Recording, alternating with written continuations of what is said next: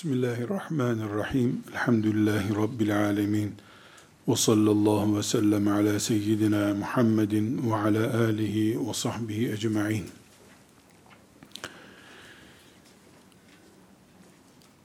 Tarihimizde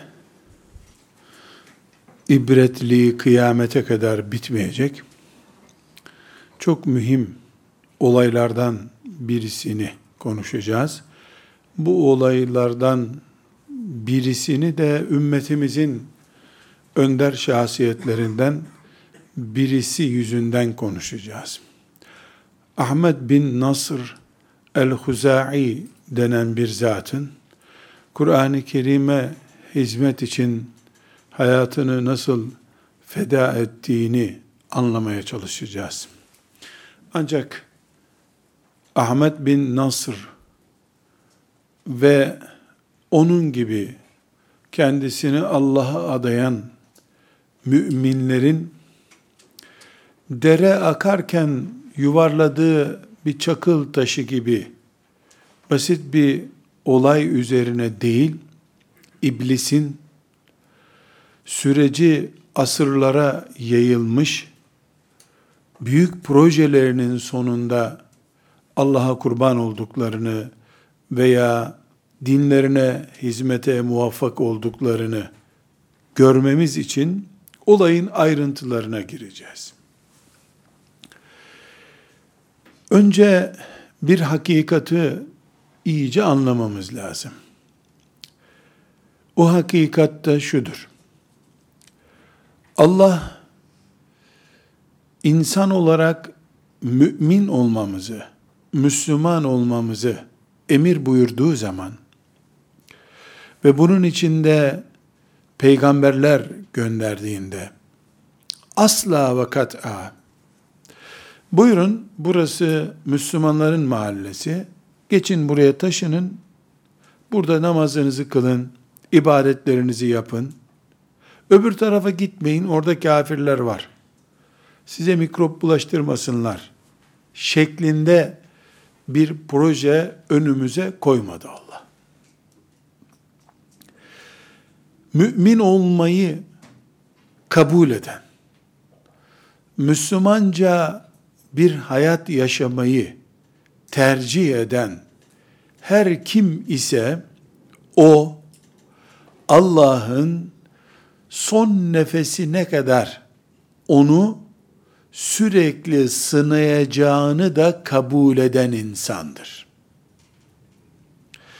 Müslüman olmak riskten kurtulmak değildir. Riskli ortamda Müslümanca yaşamayı kabul etmek demektir. Bu perspektiften bakıldığında da Müslüman olmayanın Müslüman olana göre yüzeysel bakış itibariyle daha rahat olacağını da söyleyebiliriz. Çünkü Müslümanlık, Müslüman olarak yaşamak, sıradanlaşmaktan çıkıp, daha orijinal ve daha iyi bir emel, gaye için koşmak demektir. Bu da bedel istiyor. Bu bedelin en büyük sonuçlarından birisi de riski ve imtihanı bitmeyen bir hayat tarzını kabul etmek demektir. Bu da bir, iki, üç çeşit bir imtihan değildir.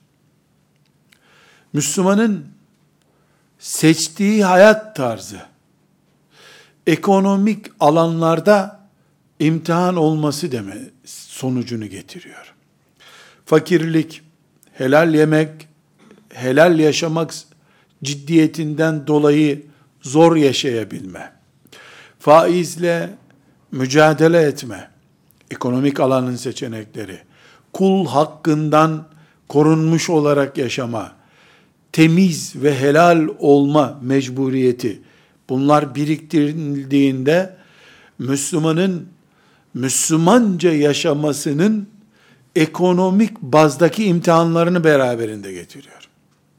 Aynı şekilde Müslüman olarak yaşama iddiası Müslümanlığın karşı cephesini oluşturan başında iblisin bulunduğu büyük bir kitleyi karşına almak demektir. Seni toprağında sıkıştıracaklar, ibadetinde sıkıştıracaklar, siyaset baskısı yapacaklar, algı baskısı yapacaklar. Müslüman olmak Allah'ın düşmanlarını karşına almak demektir. Bunun beraberinde askeri sonuçlar gelir. Coğrafya sonuçları gelir. Sürekli topraklarından kovulma durumuyla karşılaşabilirsin. Bütün dünyanın Allah'a düşman olmuş şer güçlerini karşına alma mecburiyetinde hissedebilirsin kendini. Bu da Müslüman olmanın doğal sonuçlarından biri. Gerekli sonuçlarından biri. Herhangi bir kimse ben madem Allah'la beraber oldum Müslüman olarak Allah da beni diğer onun karşısındaki düşmanlarından tamamen korusun. Ben rahat kulluk edeyim. Namazımı rahat kılayım, hacca rahat gidip geleyim diye bir talepte bulunamaz. Tam aksine Allah emir buyuruyor. Madem benden yana oldun, düşmanlarımı ez diyor. Kul da aksine ben senden yanayım keyfim bozulmasın diye istiyorsa e, bir defa Allah ile Celle Celaluhu onun istekleri ve Allah'ın emirleri sürtüşüyor demektir. Üçüncü bir boyut. Şimdi ne dedik? Müslümanlıktan yana tavır koyan, velev ki peygamber olsun, peygamberin yanındaki biricik yakınları olsun. Bir, ekonomik olarak yoğun bir abluka altında yaşamaya hazır olacak. Düşmanları onun malını almıyor olsalar bile helallik, temizlik açısından allah Teala'nın ondan beklentileri olacak. Kulum böyle yapıyor mu yapmıyor mu bekleyecek Allah bunu. İki, siyaset ve dünya olarak Müslüman kendisini dışlanmış bir dünyada hissedeceği imtihanlar dizisiyle karşılaşacak. Biz genellikle ashab-ı kiramın Müslümanlığını konuşurken hep bu ikinci boyutta ve birinci boyutta ashab-ı kiram ne kahramanmışlar deriz. Üçüncü boyutu görünce göreceğiz ki ashab-ı kiramın asıl kahramanlıkları başka yerdeymiş. Yani açlık çektiler, ağaç kabukları yemek zorunda kaldılar, karınlarına taş bağladılar. Bu birinci boyutu, helal ve temiz yeme, ekonomi boyutuydu imtihanın. Ashab-ı kiram düşmanlar istila ettiler, münafıklar içten saldırdılar, e, kafirler Medine'yi kuşattılar, onlar da kılıçlarına sarılıp bu müdafaa din ve müdafaa nefis yaptılar. Bu da ikinci boyutu.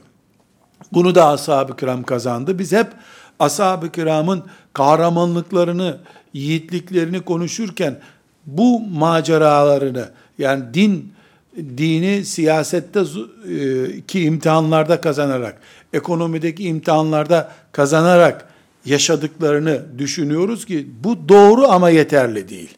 Bir üçüncü imtihan çeşidi daha var. Yani allah Teala ben Müslümanlar tarafındayım ya Rabbi diyen kuluna üçüncü bir imtihan çeşidi daha çıkarıyor ki bugün bizim bunu gündeme getirmemiz artık farz olmuştur.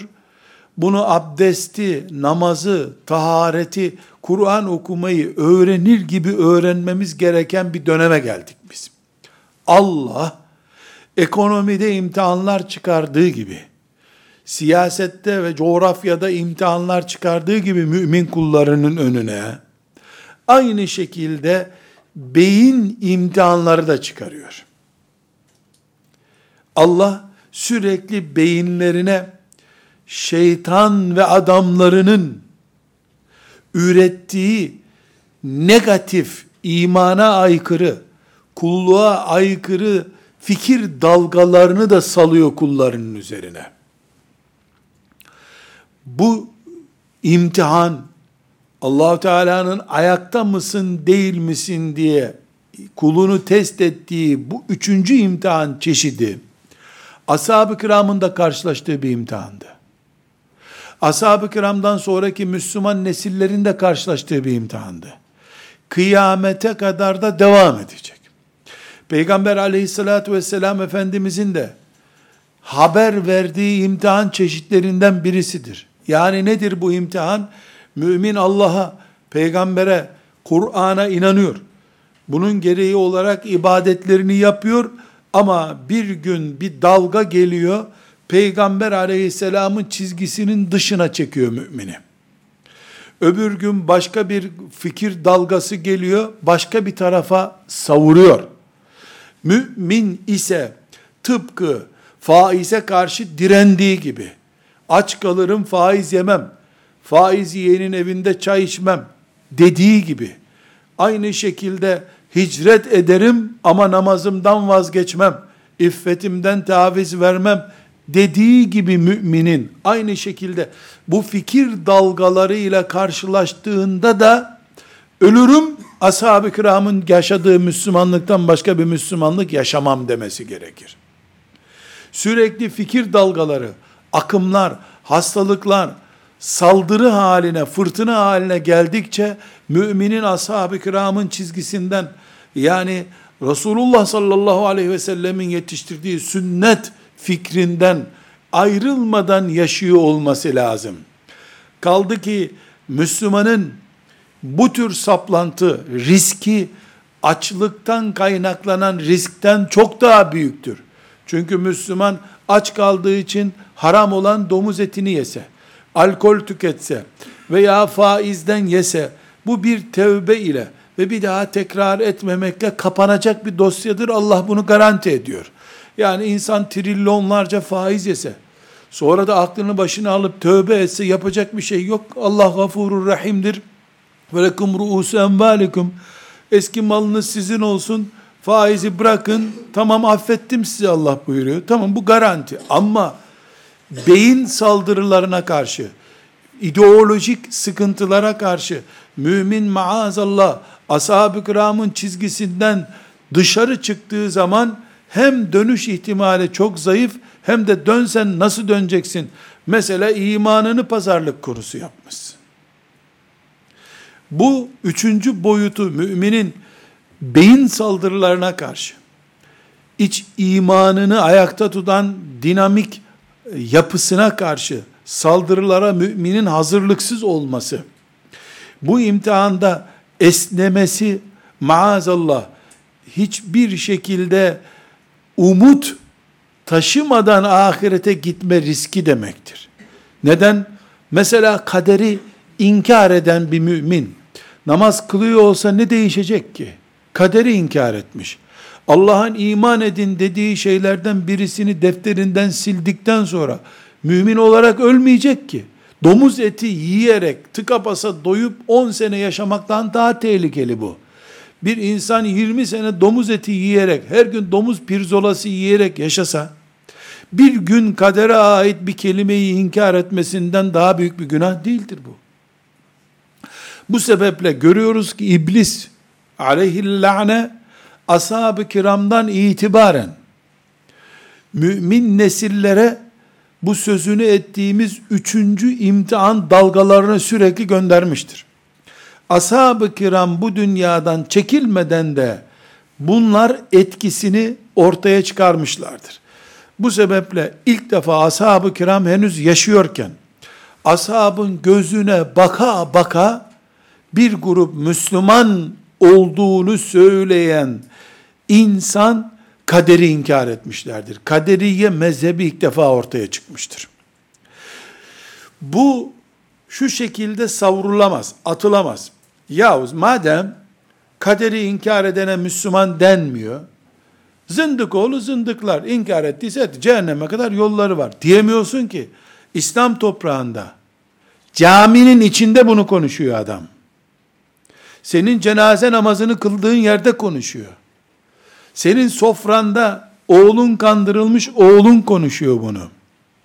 Yani bu Roma İmparatorluğu'nun hükümran olduğu bir yerde değil. Emevi halifesinin Allah adına hükümran olduğu Şam'da konuşuluyor. Basra'da konuşuluyor. Medine sokaklarında Ayşe annamıza soru olarak soruluyor bunlar. Ama ashab-ı kiram, Allah onlardan razı olsun, buna yüzde yüz hazırlıklıydılar. Tuzağa düşmediler. Çünkü Resulullah sallallahu aleyhi ve sellem Efendimiz onlara kaderi inkar eden bir grup çıkacak. Onlara karşı hazırlıklı olun. İslam'ın ilk fitnesi bunlar olacak. Yani Allah ilk defa mümin kullarına sürdüğü fikir dalgaları imtihanında kader ortaya çıkacak. Çünkü kaderi inkar etmek demek göklerle bağlantıyı kesip yerde istediğini yapmak demek. Seninle ilgili dünya ile ilgili kararları Allah'ın binlerce sene önce verdiğini değil, şimdi senin kendi gücün ve kudretinle bunu yaptığını iddia etmek demek. Kaderi inkar etmek aslında böyle çok büyük bir dolabın yörüngesinde kalmak demek. Maazallah. Ashab-ı kiram bu fitneyi gördüler. Kader inkarından hemen sonra haricilik fitnesi çıktı. Haricilik nedir? Kur'an-ı Kerim'i zevkine göre yorumlayıp kurt gibi, çakal gibi Müslüman olmak demek. Haricilik budur. İstediğini kesiyorsun, istediğini doğuruyorsun, istediğini yaşatıyorsun. İslam'ın hayata getirdiği dengeyi kaldırıp o dengenin yerine senin hırs ve ihtirasını, senin kan bürümüş gözünle gördüğün hayat tarzını getirmek demek haricilik. Buna şimdiki literatürde radikalizm diyorlar. Haricilik Ali bin Ebi Talip radıyallahu anh'ı bile kafir görüp öldürme anlayışıdır. Ama işin berbatı kadercilik de haricilik de insanların daha iyi Müslüman olmak için yaptıkları bir şeydir. Biraz önce dedik ki melun cehenneme kadar yolu var. Çeksin gitsin bu dünyamızdan diyemiyorsun. Niye? Senin caminde bu fitne. Senin medresende, senin ailenin içinde, senin ders dinlediğin Allah dostu veli bir zatın dersinde bu bugün sözünü edeceğimiz mutezililik düşüncesi Hasan Basri rahmetullahi aleyhin ders halkalarındaki birisi tarafından çıkarılmıştır. Ümmeti Muhammed'i berbat etmek için ortaya çıkmış bir proje ümmetin en büyük adamının ders halkasında ortaya çıktı. Yani zehir baldan ürüyor.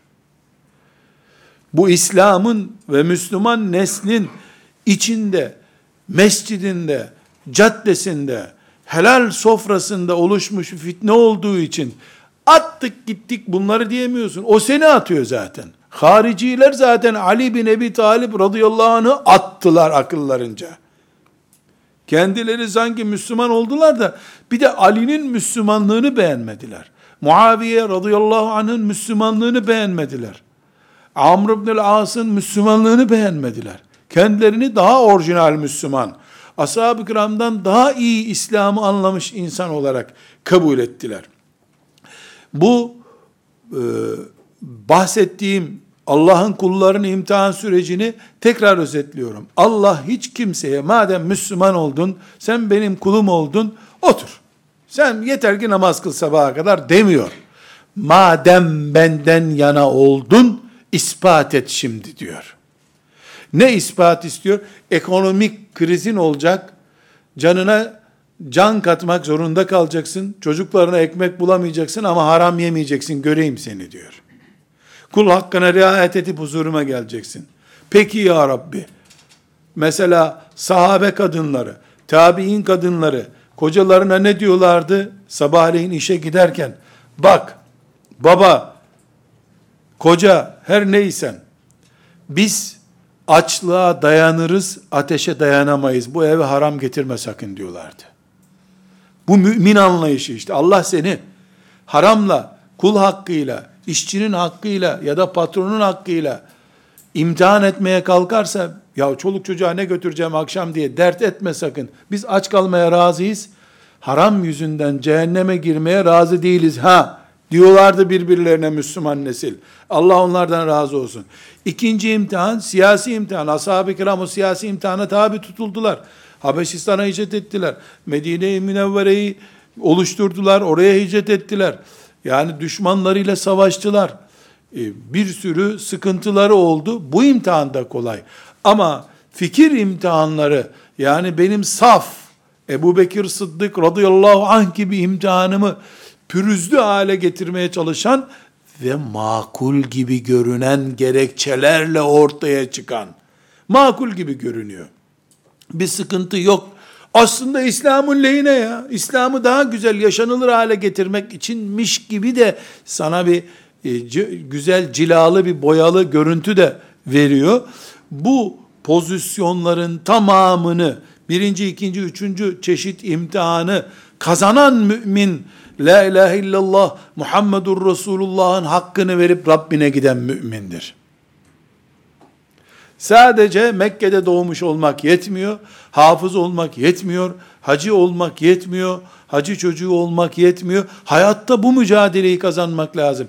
Ve bu mücadele sadece Çanakkale'yi korumakla da olmuyor. Çanakkale ikinci boyut imtihandır. Onu koruyorsun. Ondan sonra frekanslarla sana fitnelerini gönderiyor. Kur'ancılık diye bir ekol çıkarıyor. Ona tapınıyorsun sen, onu yakalıyorsun. Ashab-ı kiramı dışlamış bir Müslümanlık yaşadığın için de Çanakkale'de kafiri mağlup ediyorsun. Evindeki çanakta da o seni mağlup ediyor. Bu tehlikeli. Demek ki Resulullah sallallahu aleyhi ve sellem Efendimiz Mekke'ye peygamber olarak geldiğinde Mekke'de Kabe'nin içinde putlar vardı putperest bir toplumdu. Fakat unutmuyoruz, o putların gölgesi kafalarında da vardı o insanların. Resulullah sallallahu aleyhi ve sellem Efendimiz Kabe'nin içinden o putların şekillerini de kaldırdı, beyinlerdekini de kaldırdı. Zihinlerden kaldırılmamış put aslında kalkmış değildir. Şeytan da bu tarz bir savaşta kenara çekilmedi hiçbir zaman. Madem putları yıktınız, madem ki putlara tapınmayı engellediniz, ben de çekileyim gideyim başka bir kıtada kendime müşteri bulayım demedi. Bu savaş beyinlerde devam edecek dedi. Bunu da Kur'an-ı Kerim'de Allah bize haber veriyor. Bu savaş beyinlerde devam edecek diyor. Elbette şeytan, iblis, Kabe'nin etrafında tavaf etmeyen insanlar istiyor haram yiyen, domuz yiyen, alkol kullanan Müslümanlar olsun istiyor dünyada. Bunu beceremediği zaman da, beceremediği dönemler oluyor. Bu sefer beyinlere saldırıyor. Beyinlere saldırıyor. Beyinlerde ne yapıyor? İşte kadercilik düşüncesini, kaderi inkar düşüncesini bir beyin uru olarak Müslüman topluma saldı. Ondan sonra hariciliği bir ur olarak saldı. Ashab-ı kiram Allah onlardan razı olsun. Haricilik fitnesiyle uğraşmak zorunda olmasalardı bizzat onların eliyle Kafkasya'ya kadar ulaşmıştı İslam belki. Ama haricilik fitnesi yani ashab-ı kiramın öldürülmesinde sakınca görmeyen fitne yüzünden ashab-ı kiram oturup kendi iç donanımlarıyla, toplumun içindeki sorunlarla uğraşmak zorunda kaldılar. Bu pozisyon, bu durum Resulullah sallallahu aleyhi ve sellemin Mekke ve Medine'sinde böyleydi. Bu üç teyakkuz halinde olunması gereken imtihan sorunları. Bugün de böyledir, kıyamete kadar da böyle olacaktır. Müminin helal yaşama, temiz yeme içme mücadelesi kıyamete kadar bitmeyecek. İster İslam devleti kurulsun, ister yeniden hilafet gelsin. Bu Ömer bin Hattab'ın zamanında da bu imtihan vardı. Helal midir, değil midir diye. Siyasi sorunlarımız bizim. Türkiye güçlü olsa, dünyanın tek devleti de olsa var olacak. Bugünkü gibi bin bir taraftan taarruza uğramış bir devlet olsa gene var olacak. Allahu Teala bu imtihanı yapacak. Ensesini kalınlaştırmış, yanakları keyiften şişmiş Müslüman istemiyor Allah. Çilesi, derdi, imtihanı sürekli olan ve buna hazır olan Müslüman istiyor. Kıyamete kadar bir değişiklik olmayacak bunda. Başka türlüsünü bekleyenin aklı yoktur, onun için bekliyordur. Ve ashab-ı kiram bile kadere niye inanıyorsunuz, nereden çıktı bu kader diyen talebe gördüler karşılarında. Şimdi ilahiyat fakültesinde okuyormuş da kadere inanmıyormuş. Kader hadislerini kabul etmiyormuş. Ya bu 1400 senelik fitnedir ya. Yeni değildir bu. Hatta eski ümmetlerde de vardı bu. Resulullah sallallahu aleyhi ve sellem onun için haber verdi. Bu sizin de karşınıza çıkacak dedi. E bunun ilahiyat fakültesinde niye böyle oluyor diye üzülüyoruz. Filan medresede niye böyle oluyor diye üzüyoruz. Yahu hangi ilahiyat fakültesi? Hangi medrese Medine-i Münevvere'den daha değerlidir? E ashab-ı kiramın karşısına çıktı bu sorular. Ayşe anamız gibi Resulullah sallallahu aleyhi ve sellemin hanımı, bizim anamız, e, hadis alimesi, büyük bir kadın. Yani her şeyden önce peygamberin hatırası alnında duruyor. Öyle birisine gelip soru soruyor. Adam sorusu edep dışı bir soru. Sen o kader inkarcılarından mısın diyor Ayşe anamız Medine'de. Yani ilahiyat fakültesinde böyle bir parazit olmuş. Ya Medine'de oldu bu. Neden allah Teala Medine için madem peygamberimin şehridir burada bu tip fitneler çıkmayacak diye vaadi mi var Allah'ın? Mekke için böyle bir vaadi mi var? İmtihan imtihandır.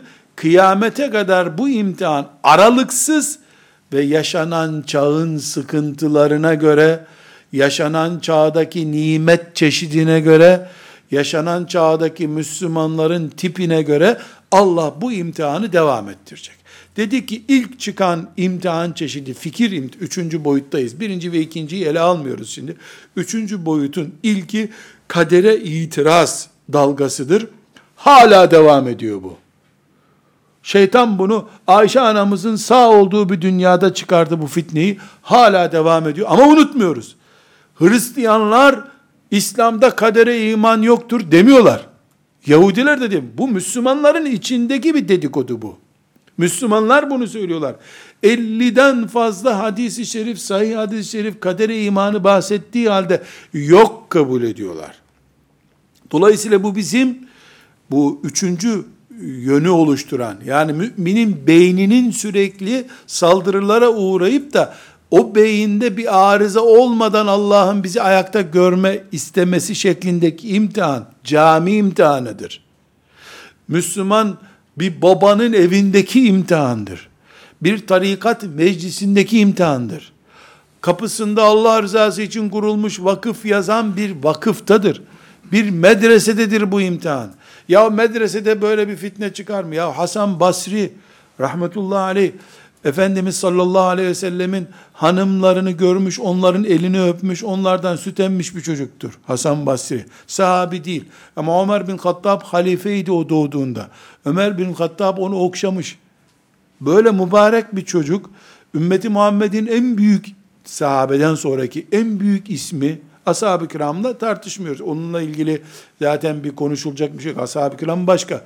Ashab-ı kiram çıktıktan sonra Hasan Basri bir değilse ikinci isimdir. İki değilse üçtür daha aşağısı yok. O kadar değerli biri. Yani ilahiyat fakültesi filan dekanı değil ha. Bir medrese hocası değil. Ümmeti Muhammed'in alemi. Bir benzeri yok. Biraz sonra anlatacağımız en büyük bela onun ders halkasından çıktı. Tıpkı Abdullah İbni Übey İbni Selül gibi büyük bir e, münafıkın da Resulullah sallallahu aleyhi ve sellem'in mescidinden çıktığı gibi. En kötü kurtlar en iyi meyvelerin içinden çıkıyor. Bu bizim kıyamete kadar bu tür imtihanlarını Allah'ın ne kadar uyanık, hazır beklememiz gerektiğini ve şeytanın bunları ambalajlayarak, ambalajlayarak ciddi ciddi çok güzelmiş, bulunmaz bir fikirmiş gibi karşımıza çıkardığını anlamamız için söylüyorum. Birinci olarak kader dalgası çıktı. Kaderiyun denen mezhep çıktı. Hala yaşıyor. İkinci olarak da ortaya çıkan hariciliktir. Bunların biri iki sene önce yani haricilik önce çıktı, kadercilik sonra çıktı. Önemli değil. Ama ilk iki dalga haricilik ve e, kaderiye ekolüdür. Bunlar ciddi bir şekilde ümmeti Muhammed'in iç dinamizmini, iç gücünü ve hareketliliğini, ashab-ı kiramın o büyük heyecanını, İslam'ı bütün dünyanın tamamına ulaştırma heyecanını sekteye uğratan dalgalar bunlar. Çünkü senin evinde tıpkı bir hasta varken seyahate gidemediğin gibi ashab-ı kiram da bu fitneleri söndürmeden nereye gideceğiz diye bir tereddüt gösterdiler. Allah'ın imtihanı çok ağır geldi. Haricilik yer yer mezhep olarak kaybolmuştur. Ama haricilik ekol olarak devam ediyor. Şu anda dünyada İslam adına terör yaptığını söyleyen ama bunu İslam devleti, İslami hareket olarak ciddi ciddi isimlendiren belli ekoller kendilerini harici demeseler de ashab-ı kiramın haricisiniz siz dediği ekolü temsil ediyorlar. Kendisini mahkeme yerine koyuyor. Kendisini şeriatı en iyi bilen olarak görüyor.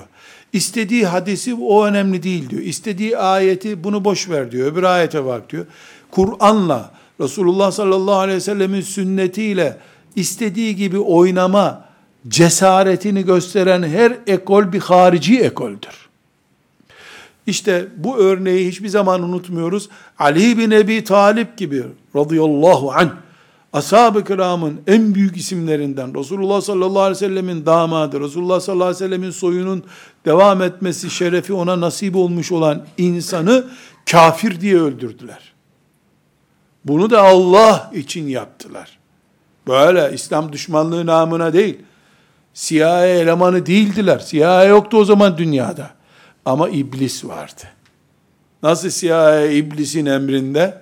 O zaman da iblisin örgütleri vardı. Adem aleyhisselamdan beri iblis örgütlü çalışıyor. Üçüncü çıkmış ekol, mutezile ekolüdür. Kaderiye ekolü, Allah'ın üzerimizdeki kararlarının önceden yazılmış olmasına itiraz ederek çıktı. Harici ekolü, biz Müslümansak, Kur'an'ı anladıysak, bizim dediğimiz doğrudur diyen sapık, radikal ve adaletsiz bir anlayışın ürünü olarak çıktı.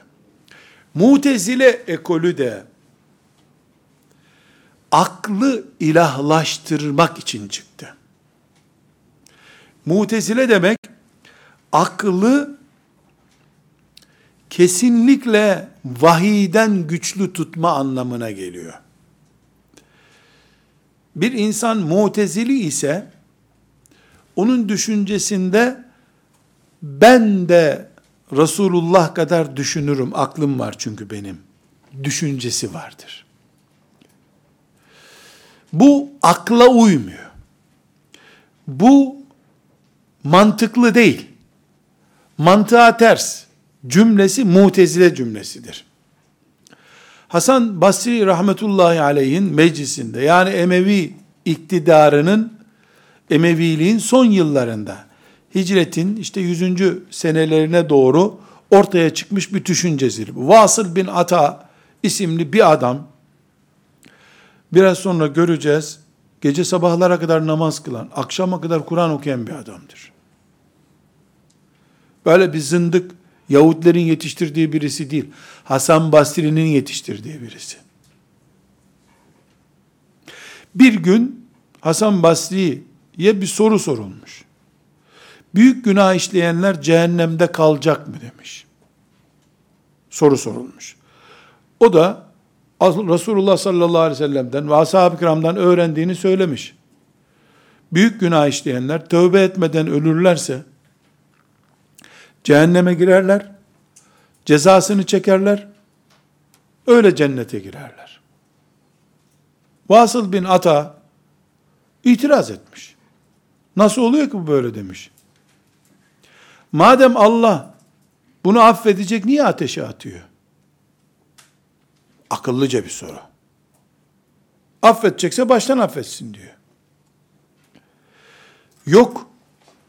Bu affedilecekse niye o zaman büyük günah diye bir ayrım yapıyoruz ki? Hasan Basri de ona diyor ki, e peki ne olacak şimdi diyor. Cehenneme girmez diyor. Cennete mi girecek yok. Cennete de girmemesi lazım. Büyük günah işledi diyor. E ne olacak diyor. Aklı var ya adamın şimdi. Bana göre cennete de girmeyecek, cehenneme de girmeyecek diyor. E nereye girecek? Depoda mı bekletecekler bunları? Yok. Beynel menzileteyn diyor. Ne cennetlik ne cehennemlik bunlar diyor. Çünkü aklını kullandı. Aklı cennete koydurtmuyor. Büyük günah işlemiş. Zina yapmış. Cehenneme de koydurtmuyor. Allah affediyorsa niye cehenneme girsin ki diyor. Aklın pili bitti. Orta yerde beklesin diyor. Akıl lazım ama Allah'a vermek için değil. Kendine kullanmak için lazım. Kul aklını kendine kullanır. Allah'a ve peygamberine karşı akıl kullanılmaz. Vasıl bin Ata serseri değil dikkat edin. İbadeti meşhur bir adam bu. Teheccüd kaçırmamış bir adam. Yürürken, otururken Kur'an okuyan bir adam.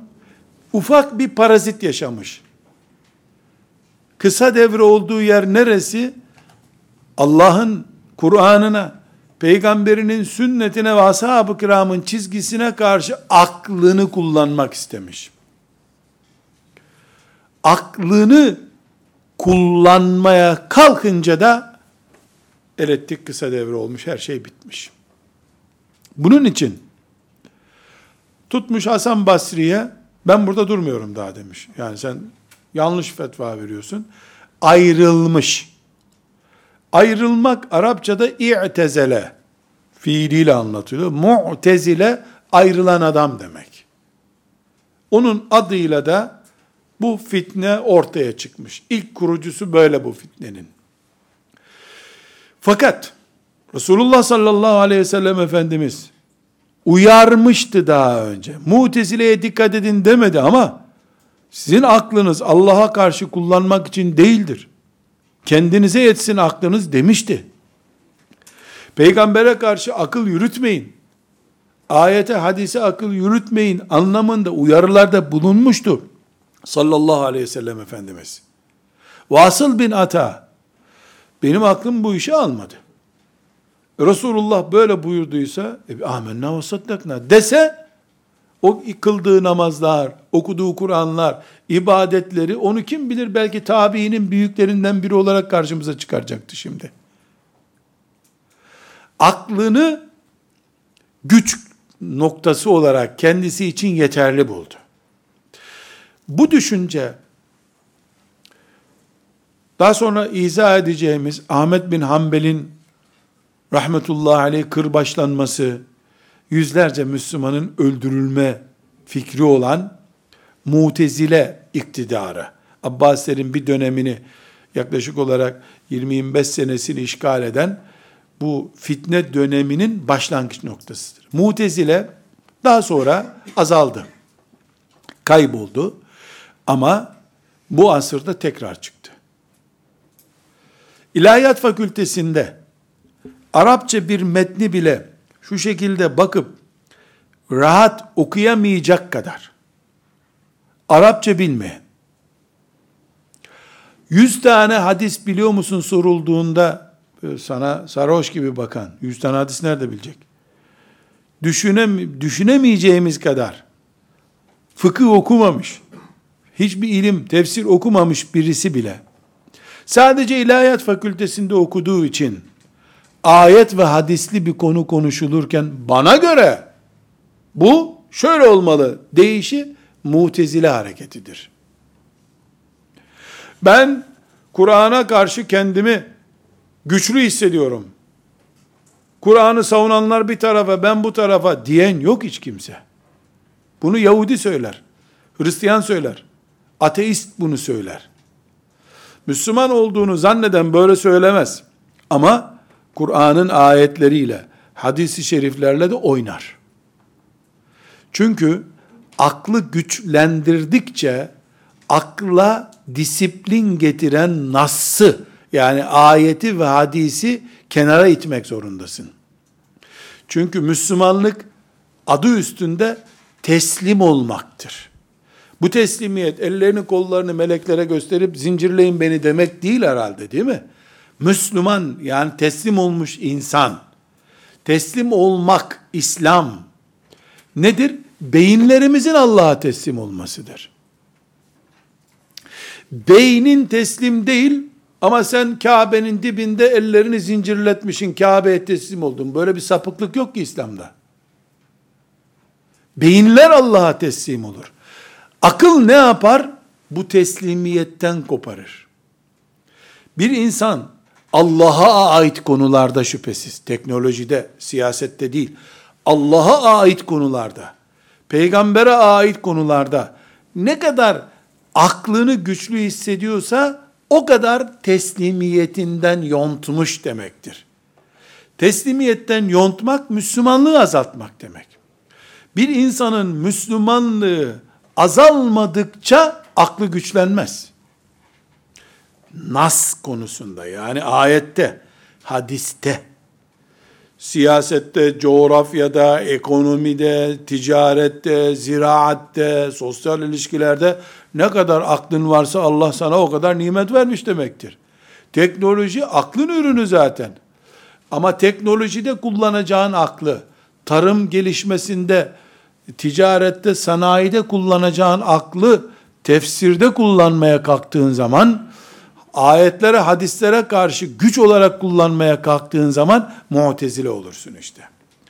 Bugün bir tüccarın, bir siyasetçinin, bir felsefe talebesinin, belki de ilahiyat talebesinin, belki de medrese talebesinin, Bukhari'de bu hadisi şerif var diye önüne Bukhari metni konduğu halde, ee, evet var ama diye kendisini Resulullah sallallahu aleyhi ve sellemin sözüne karşı güçlü hisseden, konuşma hakkı gören anlayış, mutezilenin başlattığı çılgın anlayıştır. Çünkü mutezile, ciddi bir şekilde hadisi şerifleri yok kabul ederek bu mezhebi büyüttüler. Hiçbir hadis inkarcısı Mutezile ile bağlantısını inkar edemez. Mutezile'nin düşüncesiyle bağlantı kurmadıkça hadislere dil uzatamaz bir Müslüman. O biliyor veya bilmiyor. Bugün Buhari'yi şerife dil uzatanlar, Müslim'deki hadise dil uzatanlar, belki mutezilerin adını hiç duymamışlardır. Ama onların önüne neden bu hadisi Müslim'deki hadisi kabul etmiyorsunuz beyefendi diye bir test maddesi koyalım. 10 gerekçe sayın diyelim. 9'u Vasıl bin Ata'ya ait düşüncelerdir. Çünkü iblis aynı sahtekarlığı, aynı iblisliğini ambalaj değiştirerek bugün yaşatıyor. Vasıl bin Ata'ya öğrettiği şeyleri bugün ilahiyat talebesine de öğretiyor. Dinin önünde felsefe yapan aklı kıta da öğretiyor. İblis için bir şey değişmedi.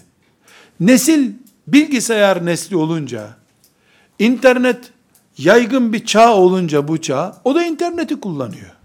Değişen bir şey yok. Bu sebeple mutezileden konuşacağımız zaman, mutezile sözcüğünün Hasan Basri'nin hadis okumasına karşı benim beynim böyle demiyor bana sözü olduğunu anlamamız lazım. Şimdi Hasan Basri değil de Hasan Hoca Efendi vardır karşısında adamın. O da Vasıl bin Ata denen adam değil de filan siyasetçi, filan talebe, filan ilahiyatçı, filan medresecidir. Ama şeytan için sonuç aynıdır. Nedir o? Şeytan Allah'a itimadımızı önce kadercilikle delmeye çalıştı. Bir grubu aldı. Siz gidin Roma'da yaşayın demedi onlara ama. Camiden çıkmayın sakın dedi. Hatta onlara dedi ki bu geri zekalılardan camiyi kurtarın ya. Cami size kalsın dedi. Sanki onlar daha takva gibi oldular. Peygamber aleyhisselam kader diye bunlara uyuşturucu vermiş. Siz almayın bu uyuşturucudan dedi. Sonra hariciliği geldi. Müslüman doğrattı. Bildiğimiz doğrama ama. Nasıl bugün Suriye'de ve Irak'ta benzerini görüyoruz. Ali radıyallahu anh'ın döneminden itibaren yaklaşık 100 sene kestiler, Müslüman kestiler. Bugün Umman isimli devlet, İbadiye diye bir mezhebe bağlıdır. İbadiye de hariciliğin bir ekolüdür. Fakat şu anda mini bir devletçik orada birkaç yüz bin kişilik bir aile kaldıkları için bu düşüncelerini e, ilk zamandaki gibi böyle hareketli beyan edemiyorlar. Ama ibadiye mezhebi bu hariciliğin uzantısıdır. Uzantısı değil. Yani bekayası, son kalıntısıdır. Ekol olarak onlar kaldı. Fakat gençlerin kafasındaki az kes, doğra, onun sakalı kısa kafir, bunun bıyıkları uzun hepten kafir. Bunun pantolonu kot pantolon. Bunun rengi çok yeşilimsi. Bu tip düşünceler yani hayatın milyonlarca çiçeği var. Tek, tek bir çiçek üzerinden onu algılama anlayışı. Bir Müslümanın sadece sakalına bakarak, sadece bir konuşmasına bakarak onun hayatıyla ilgili karar verme anlayışı, haricilik anlayışıdır. İblis haricilere gidin siz Moskova'da yaşayın diye bir talimat vermedi. Camileri terk etmeyin bunlar ha. Bunlar hepsi kafir bir Müslüman sizsiniz dedi. Ashab-ı kirama kafir dediler. Aynı şey mutezile yaptı. Ashab-ı kiram için mesela e, mutezilelerden bir tanesi diyor ki yolda oynayan bir çocuğu gösteriyor. Şu çocuk bir şey söylese inanırım da bu sahabenin büyüğü denen Abdullah İbni Mesud'a inanmam diyor. Niye? Çünkü Abdullah İbni Mesud din taşıyor. Bu adam da o dini yıkmak için önce Abdullah İbni Mesud'u yıkması lazım. Onun için mutezile hareketine mensup olanlar, harici hareketine mensup olanlar, kader hareketine mensup olanlar, bu asırda onların AB alternatifliğiyle temsilciliğini yapanların hepsinin ortak özelliği, ashab-ı kiramı ilkokul arkadaşları gibi görmeleridir. Bir Müslüman, ashab-ı kiramdan bir tanesini seviyesi düşük bir hale getiriyorsa, ona hakaret ediyorsa, onun düşüncelerini saygısızca yorumluyorsa, bilin ki o, bu sapık hareketlerden birine bağlıdır.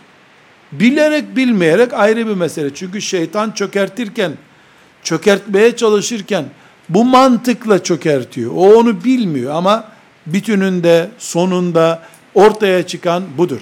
Her halükarda e, Abbasilerin iktidarı döneminde Harun Reşit'ten sonra yani 200. seneden sonra e, Resulullah sallallahu aleyhi ve sellemin hicretinden 200 sene sonra Mutezililik İslam devletinin resmi düşüncesi oldu.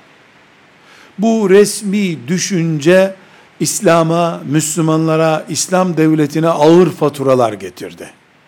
Bu ağır faturalardan bir tanesi hepimizin bildiği Kur'an Allah'ın sözü müdür? Yarattığı bir mahluk mudur? Üzerine yürütülmüş bir felsefedir. O felsefeye kurban edilmiş Ahmet bin Hanbeller ve pek çok alimler vardır. Ümmeti Muhammed'in önderleri yaklaşık 20 sene bu fitne yüzünden nefes alamadılar. Mutezililik İslam tarihinde ağır yaralara neden oldu. İnşallah bunların ayrıntılarına temas edeceğiz. Velhamdülillahi Rabbil Alemin.